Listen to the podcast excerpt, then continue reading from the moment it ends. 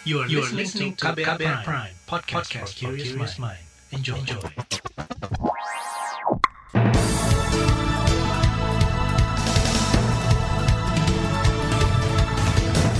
Selamat pagi saudara, jumpa lagi di program Buletin Pagi edisi Kamis 9 Desember 2021, saya Roni Sitanggang.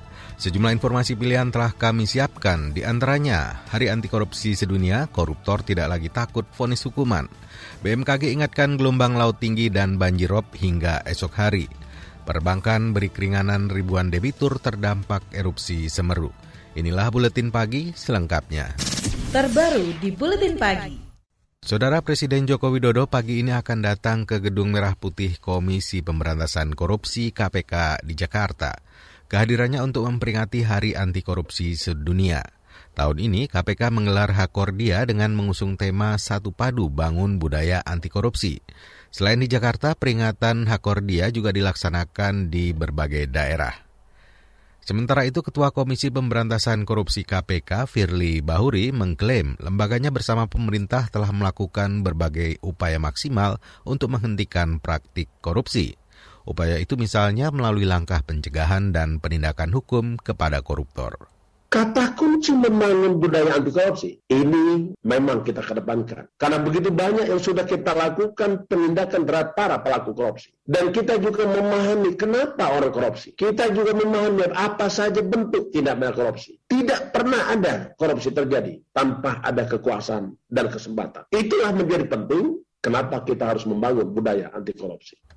Itu tadi Ketua KPK Firly Bahuri saat peringatan Hari Anti Korupsi Sedunia kemarin di Kementerian Keuangan. Kata dia, memberantas korupsi tidaklah mudah karena setiap tahapan manajemen selalu memiliki ruang dan dimanfaatkan supaya bisa korupsi. Salah satu langkah yang bisa dilakukan guna mencegah korupsi adalah memperbaiki sistem kerja termasuk di kementerian dan lembaga negara. Menko Polhukam Mahfud MD menyebut upaya pemberantasan korupsi hanya bagus di awal masa reformasi saja. Saat ini meski pemberantasan di Indonesia sudah mengadopsi aturan yang bagus dan membentuk lembaga anti rasuah seperti KPK, tapi para pelaku korupsi tidak memiliki rasa takut. Mungkin kalau kita cari gimana ini, katanya membangun korupsi itu, membangun hukum untuk memeratas korupsi itu kan satu, membentuk aturannya sudah kita buat. Lembaganya sudah kita buat tadi banyak sekali. Korupsi ternyata banyak. Sehingga lalu kita apa sih yang kurang? Itu tadi satu. Mungkin pembangunan budaya anti korupsi itu kurang. Menko Polhukam Mahfud MD menambahkan, upaya membangun budaya anti korupsi harus menciptakan kesadaran pemberantasan korupsi. Jadi, bukan hanya membangun kekuatan ketakutan terhadap hukum saja. Mahfud menilai hukum yang ada saat ini mudah diperjualbelikan, berdampak pada mudahnya perilaku koruptif dilakukan oleh pelaku maupun para penegak hukum. Saudara sejumlah vonis kepada koruptor memicu kontroversi karena masa hukumannya dinilai terlalu ringan. Sebut saja misalnya vonis 12 tahun penjara untuk bekas Mensos Juliari Peter Batubara, vonis 4 tahun penjara untuk jaksa Pinangki Sirna Malasari, vonis 5 tahun penjara untuk bekas Menteri KKP Edi Prabowo, dan vonis 3,5 tahun untuk pengusaha Joko Chandra. Tuntutan tertinggi hukuman kasus korupsi muncul beberapa hari lalu. Jaksa di Kejari Jakarta Timur menuntut hukuman mati Heru Hidayat, terdakwa kasus korupsi di PT Asabri. Menurut anggota Komisi Hukum DPR Johan Budi, tuntutan hukuman bagi koruptor baik oleh Kejaksaan Agung maupun KPK belum memberi efek jera. Terbukti masih banyak pejabat publik yang ditangkap karena korupsi. Kalau ditanya apakah sudah menimbulkan efek jera, tidak juga. Buktinya apa? Buktinya kan, nah, buktinya masih ada yang, yang ditangkap kan? Berarti kan tidak menimbulkan efek jera. Apa karena hukumannya tidak berat? kan sudah dituntut hukuman mati juga gitu kan. Tapi menurut saya tidak cukup gitu. Anggota Komisi Hukum DPR Johan Budi menambahkan, koruptor seharusnya diberi hukuman yang berat dan menimbulkan efek jerak, termasuk memperlakukan sanksi hukum berupa pemiskinan. Johan mengingatkan para penegak hukum harus punya persepsi yang sama dalam menghadapi koruptor. Pusat Kajian Anti Korupsi Universitas Gajah Mada atau PUKAT UGM menilai penegakan hukum terhadap koruptor yang dilakukan KPK tidak ada yang istimewa. Peneliti PUKAT UGM Yuris Reza Kurniawan mengatakan penegakan hukum yang dilakukan belum memberi efek jera. Yuris menyarankan KPK memberi hukuman berupa pemiskinan kepada koruptor kemiskinan itu kan bahasa sederhana ya, bahasa terminologi yang lebih baik sebenarnya perampasan aset. Jadi intinya siapa pun yang menjadi pelaku korupsi seharusnya penegak hukum bisa mengejar seluruh aset hasil korupsinya, baik itu melalui misalnya pidana uang pengganti, baik itu misalnya melalui kejahatan perdata yang itu juga ada dalam Undang-Undang Tipikor, dan berbagai cara yang lain. Itu tadi peneliti Pukat UGM Yuris Reza Kurniawan. Sementara itu, Lembaga Pemantau Korupsi ICW menyebut kebijakan politik untuk memperkuat agenda pemberantasan korupsi kian meredup. Hal itu bisa dilihat dari politik legislasi nasional. Sejumlah regulasi penting seperti RUU perampasan aset, RUU pembatasan transaksi uang kartal, dan revisi Undang-Undang Pemberantasan Tindak Pidana Korupsi tidak pernah dimasukkan dalam program legislasi nasional prioritas. Selain itu, upaya pemberantasan korupsi yang kian merosot berdampak pada semakin buruknya pengelolaan etika pejabat publik. Praktik rangkap jabatan, menyatukan kepentingan politik dan bisnis menjadi bukti konkret melemahnya tata kelola pemerintahan. ICW mencontohkan 4 gulipat bisnis tes PCR dan obat-obatan COVID-19. Saudara BMKG memperingatkan gelombang laut setinggi 6 meter dan banjirop terjadi hingga esok hari. Informasi selengkapnya hadir sesaat lagi, tetaplah di Buletin Pagi KBR. You're listening to KBR Pride, podcast for curious mind. Enjoy!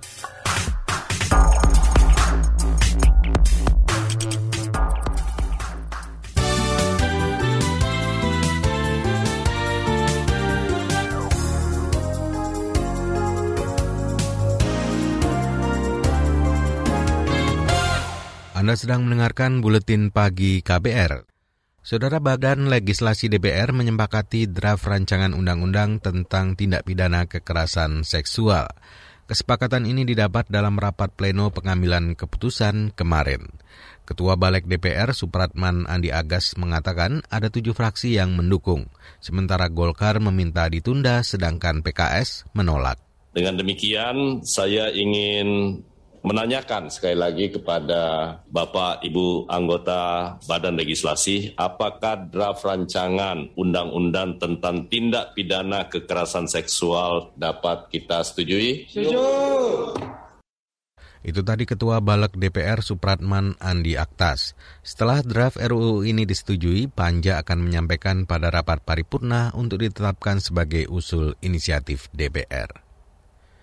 Koalisi masyarakat sipil yang tergabung dalam Komite Aksi Solidaritas untuk Munir atau KASUM menggelar aksi simbolik menuntut Komnas HAM menetapkan kasus pembunuhan aktivis HAM Murnir Said Talib sebagai kasus pelanggaran HAM berat. Menurut aktivis Kasum Juminasih, tuntutan itu disampaikan karena Komnas HAM dinilai lamban menindaklanjuti kasus Murnir melakukan aksi dan juga diskusi publik dan juga uh, aksi-aksi teatrikal di lapangan untuk uh, menggambarkan bagaimana uh, lamanya kasus Cak Munir direspon oleh pemerintah khususnya dalam hal ini adalah Komnas HAM. Aktivis Kasum Jumisih menambahkan ada tiga hal yang bisa dilakukan agar kasus Munir terselesaikan. Antara lain, Kejaksaan Agung melakukan peninjauan kembali terhadap kasus Munir yang memungkinkan untuk membuka dan menyelesaikan kasus tersebut. Kemudian membentuk pengadilan ad hoc dan penetapan kasus Munir sebagai kasus pelanggaran HAM berat oleh Komnas HAM. Saudara pejuang HAM Munir Said lahir 8 Desember 1965 di Malang, Jawa Timur. Dia dibunuh dengan racun pada September 2004 silam saat menaiki pesawat Garuda Indonesia rute Jakarta menuju Amsterdam. Badan Meteorologi, Klimatologi, dan Geofisika BMKG memperingatkan sejumlah wilayah di Indonesia berpotensi mengalami gelombang laut tinggi dan rob. Potensi ini akan terjadi hingga esok hari. Kepala BMKG Dwi Korita Karnawati mengatakan ada pola sirkulasi siklonik dan pengaruh seruakan dingin aktif di Laut Cina Selatan. Dampaknya terjadi peningkatan tinggi gelombang laut mencapai 4 hingga 6 meter. Sejumlah daerah harus waspada yaitu Kepulauan Natuna, Kepulauan Riau, Bangka Belitung, Lampung, Banten, Jakarta, sebagian Jawa dan Kalimantan, Sulawesi Utara, Gorontalo, Ternate, Halmahera, sebagian Papua, dan Papua Barat. Selain itu, kondisi kecepatan angin signifikan berkisar 25 hingga 30 knot, sehingga berkisar antara 40 km per jam hingga 50-an kilometer per jam. Kondisi tersebut gelombang tinggi hingga mencapai 4 sampai 6 meter serta kecepatan angin yang signifikan terpantau di Samudra Pasifik timur Filipina juga memberikan dampak terhadap peningkatan tinggi gelombang di wilayah utara Indonesia bagian timur. Kepala BMKG Dwi Korita Karnawati menambahkan, selain kondisi cuaca yang memicu gelombang laut tinggi dan angin kencang, maka faktor bulan purnama dan kondisi jarak terdekat bulan ke bumi akan mengakibatkan gravitasi bulan terhadap permukaan air laut. Dampaknya bakal memicu ketinggian pasang air laut. Beralih ke informasi ekonomi, Ekonom Indef Riza Anissa Pujarama menyebut target pertumbuhan ekonomi sebesar 5 persen pada kuartal 4 tahun ini bakal sulit tercapai. Penyebabnya rata-rata pertumbuhan ekonomi hingga triwulan ketiga hanya sebesar 3,28 persen. Riza mengingatkan tingkat inflasi harus diperhatikan pemerintah. Inflasi masih dalam batas target APBN per November 2021 sebesar 1,75 persen, tapi tadi yang saya sudah uh, jelaskan bahwa perlu diperhatikan volatile food dan administered price uh, ini perlu diperhatikan seiring dengan kompensasi penurunan uh, ekonomi dari pandemi. Ekonom Indef Riza Aniza Pujarama menambahkan indikator kesejahteraan yakni tingkat kemiskinan, rasio Gini dan indeks pembangunan manusia belum mencapai target di tahun ini.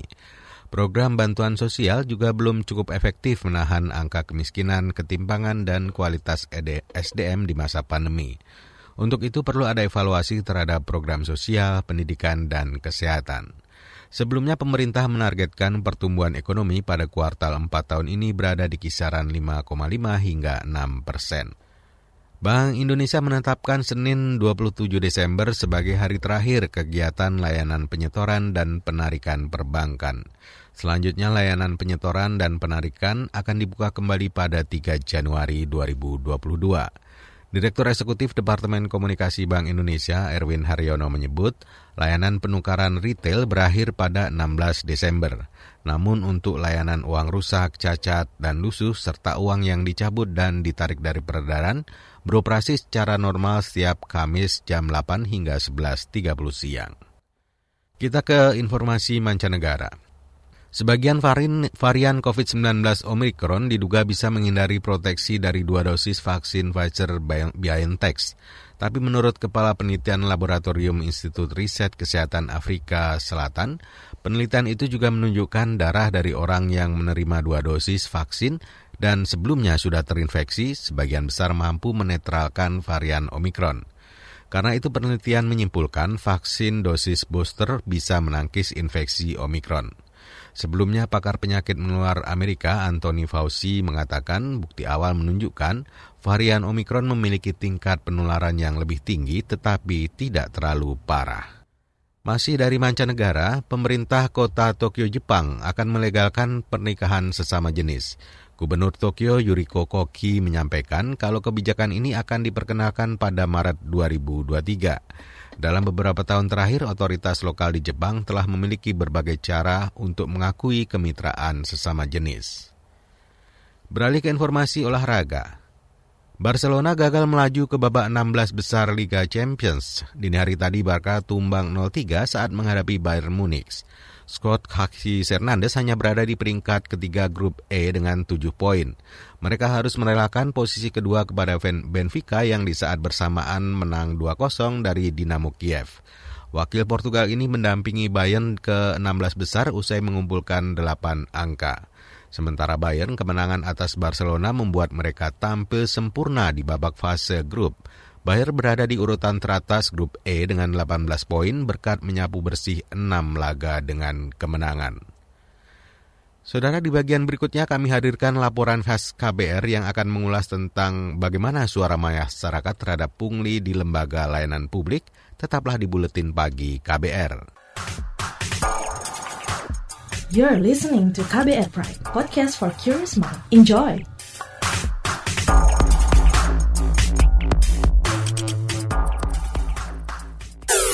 Commercial break.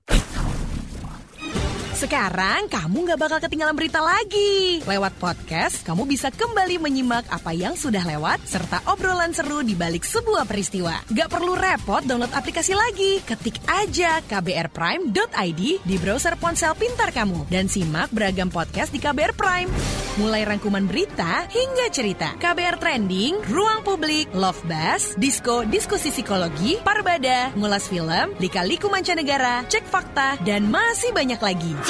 Jadi waktu pas saya mau bunuh diri itu halusinasi saya bilang mati aja buruan sampah katanya mau mati. Teman-teman juga ada pada tahu sih I'm gay. Tapi mereka fine-fine aja sih selama kita baik mereka welcome kok. KBR Prime menemani aktivitas harianmu yang padat dengan beragam informasi dan obrolan seru. Kapan saja dan di mana saja. Temukan juga podcast KBR Prime di aplikasi podcast lainnya. KBR Prime, cara asik mendengar berita. KBR Prime, podcast for curious mind.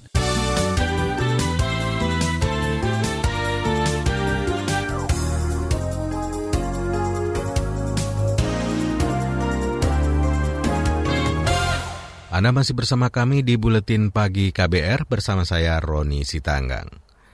Praktik pungutan liar pungli di lembaga pelayanan publik masih banyak terjadi. Ombudsman Republik Indonesia mencatat praktik pungli tahun ini sekira 1.800, 1.800-an kasus dari total 16.000 aduan mengenai malpraktik di sektor layanan publik. Sebagian warga kecewa dengan praktek itu, tapi ada pula yang tidak. Berikut pengalaman warga dalam menyikapi praktik pungli. Selengkapnya bersama Asri Yuwanasari. Saya tinggal pergi terus bapak-bapak yang ngasih plat nomor, Pak saya kelas saja. Saya bingung, maksudnya apa? Kok si kelasnya aja? Kau udah di atas kan ya? Udah tanda buktinya. Saya kelasnya aja. Ya udah deh aku kasih tuh. Kalau itu benar-benar pungli ya di depan mata ya. Jadi dia minta nggak tahu itu biaya apa dan bilangnya seikhlasnya kan. Nah. itu tadi pengalaman AB warga Depok Jawa Barat saat mengurus perpanjangan STNK dan pergantian plat nomor mobilnya beberapa waktu yang lalu. AB kecewa karena dia sudah mengantre cukup lama dan memenuhi setiap tahap proses administrasi sampai pembayaran secara resmi. Namun ternyata saat pengambilan plat nomor, ada oknum yang meminta uang tambahan yang tidak jelas untuk biaya apa. Saat itu AB merasa terjebak, tetapi ia hanya pasrah saja memberikan apa yang diminta oknum tersebut. Dan aku sebenarnya lihat juga sebelum sebelum aku juga yang lain waktu itu juga diminta ya sama sama si bapak-bapak itu dari kelasnya si kelasnya ada ngasih berapa puluh ribu gitu lah. Dan belum ada yang uh, ketika diminta itu nggak ngasih, jadi semua ngasih. Nggak tahu apakah udah jadi budaya di situ ya. Berbeda dengan AB, Jesse justru mengklaim lebih baik menambah uang untuk jasa pengurusan surat-surat kendaraan bermotor daripada menjalani proses administrasi yang cukup memakan waktu. Warga Depok, Jawa Barat ini memilih membayar tambahan uang untuk biaya balik nama motor yang baru dibelinya tahun lalu. Selesai ngurus STNK kan mesti ngurus BPKB tuh, tapi karena ribet dan segala macamnya dan nggak punya banyak waktu luang buat ngurus itu akhirnya dapat tawaran lah untuk diurusin BPKB-nya tapi kalau nggak salah itu kita mesti bayar lebih. Kalau nggak salah itu 100 ribu deh kalau nggak salah. Nah itu dengan bayar 100 ribu itu kalau nggak salah seminggu itu jadi. Nah katanya kalau kita ngurus ke Poldanya itu bakal lebih panjang waktunya Jesse juga punya pengalaman saat mengurus surat keterangan domisili. Ia menyebut pengurusan surat-surat mulai dari tingkat RT RW masih sering terjadi pungutan oleh pengurus RT. Menurutnya, pungutan-pungutan tersebut sudah seperti menjadi budaya di lingkungannya. Kayak kemarin misalnya ngurus buat surat keterangan domisili, nah itu kan mesti minta dari RT RW baru ke kecamatan. Nah itu di RT RW-nya biasalah uh, ada budaya pungli, ada budaya yang mana kalau kita minta kayak gitu, uh, kita tuh suka dimintain kayak dua puluh ribu gitulah buat kasih cap stempel gitu. Itu tuh kayak di sini itu udah kayak budaya sih. Dani warga Bogor, Jawa Barat juga pernah menghadapi oknum yang meminta uang saat pengurusan KTP. Namun kala itu Dani tegas menolak sebab dia sangat paham bahwa pengurusan surat kependudukan seharusnya tidak dikenai biaya apa pun.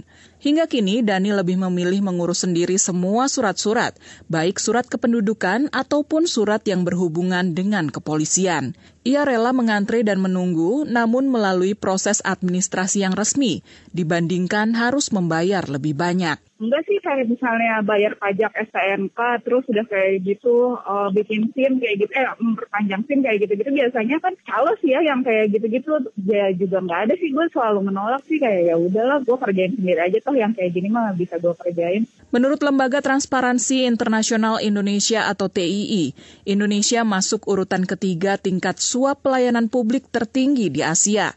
Hal ini sesuai hasil survei Global Corruption Barometer atau GCB pada 2020. Peneliti TII Iza Akbarani menyebut, tingkat suap di Indonesia paling banyak terjadi pada layanan kepolisian, dukcapil, dan sekolah. Nah, ini mengindikasikan bahwa uh, ternyata masyarakat kita itu masih uh, permisif terhadap suap ataupun suap yang memang diminta oleh petugas layanan. Dalam artian e, itu juga termasuk dalam pungutan liar seperti itu. Dan e, ketika mereka ditawari untuk membayar suap demi proses yang lebih cepat ternyata masyarakat kita juga masih e, menganggap wajar hal tersebut terjadi. Sehingga itu juga mempengaruhi e, suap di e, GCB kita bahkan lebih dari 90% mengakui tidak pernah melakukan praktik suap yang dialaminya karena mungkin salah satunya menganggap itu wajar dan memang uh, meng, uh, istilahnya mendapat kemudahan ketika mereka membayar suap ataupun ketika mereka dimintai pungutan yang tidak resmi atau pungutan liar. Iza mengatakan praktik suap masih sering terjadi karena beberapa alasan, mulai dari tanda terima kasih, sengaja diminta membayar jasa yang tidak resmi, hingga tawaran agar proses pengurusan lebih cepat. Demikian laporan khas KBR, saya Astri Yuwanasari. Saudara informasi dari berbagai daerah akan kami hadirkan setelah jeda berikut. You're listening to KBR Pride, podcast for curious mind. Enjoy!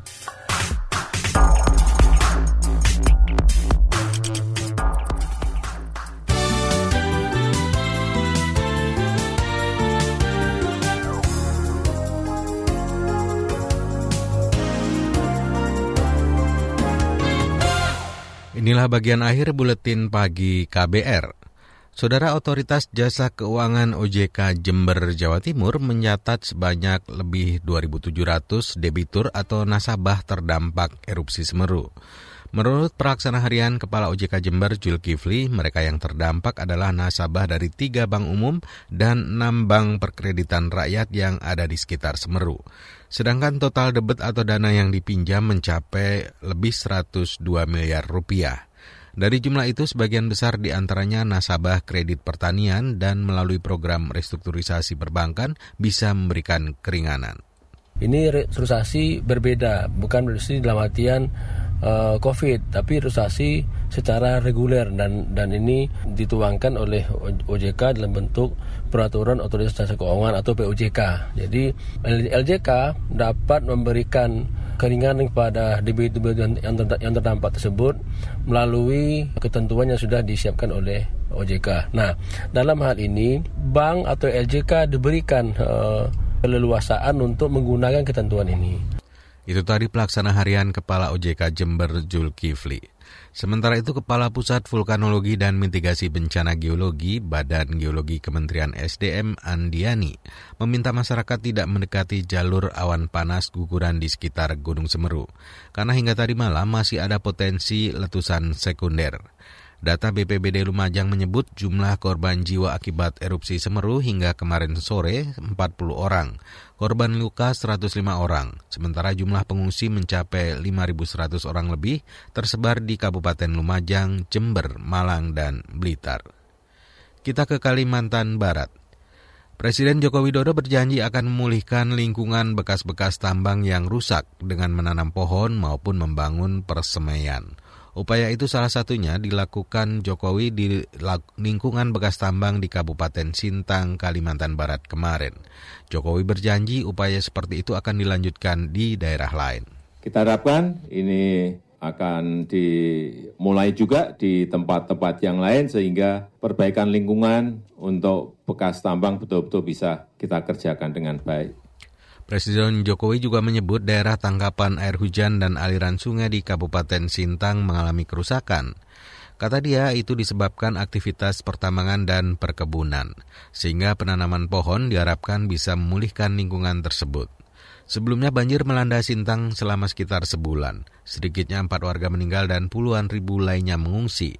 Di Sintang, Kepala Negara juga meresmikan Bandara Tebelian yang kini mampu melayani 75 ribu penumpang per tahun. Sebanyak lebih 170 kecamatan masih belum memiliki puskesmas. Seratusan kecamatan itu tersebar di Sumatera Utara, Sumatera Selatan, Kepulauan Riau, Kalimantan Utara, Sulawesi Tengah, Papua, dan Papua Barat. Kata Wakil Menteri Kesehatan Dante Saksono Harbuwono, layanan kesehatan tidak bisa diberikan maksimal bila di satu kecamatan tidak ada puskesmas. Karena itu dalam tiga tahun ke depan akan dibuat berbagai macam uh, strategi untuk membangun puskesmas sehingga 171 puskesmas ini pada tahun 2024 akan terpenuhi dan dalam tahun 2024 semua kecamatan di Indonesia harusnya sudah mempunyai puskesmas dalam melayani kesehatan primer, promotif, dan preventif. Itu tadi Wakil Menteri Kesehatan Dante Saksono. Pembangunan seratusan puskesmas di kecamatan itu akan dilakukan bertahap. Sebanyak 60-an puskesmas akan dibangun tahun depan, selanjutnya akan menyusul pada dua tahun berikutnya. Saudara informasi tadi mengakhiri jumpa kita di Buletin Pagi KBR. Pantau juga informasi terbaru melalui kabar baru, situs kbr.id, Twitter kami di akun @beritaKBR, serta podcast di alamat kbrprime.id. Akhirnya saya Roni Sitanggang bersama tim yang bertugas undur diri. Salam.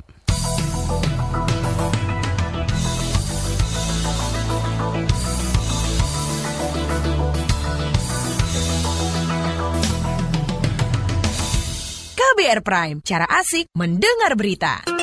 KBR Prime, podcast for curious mind.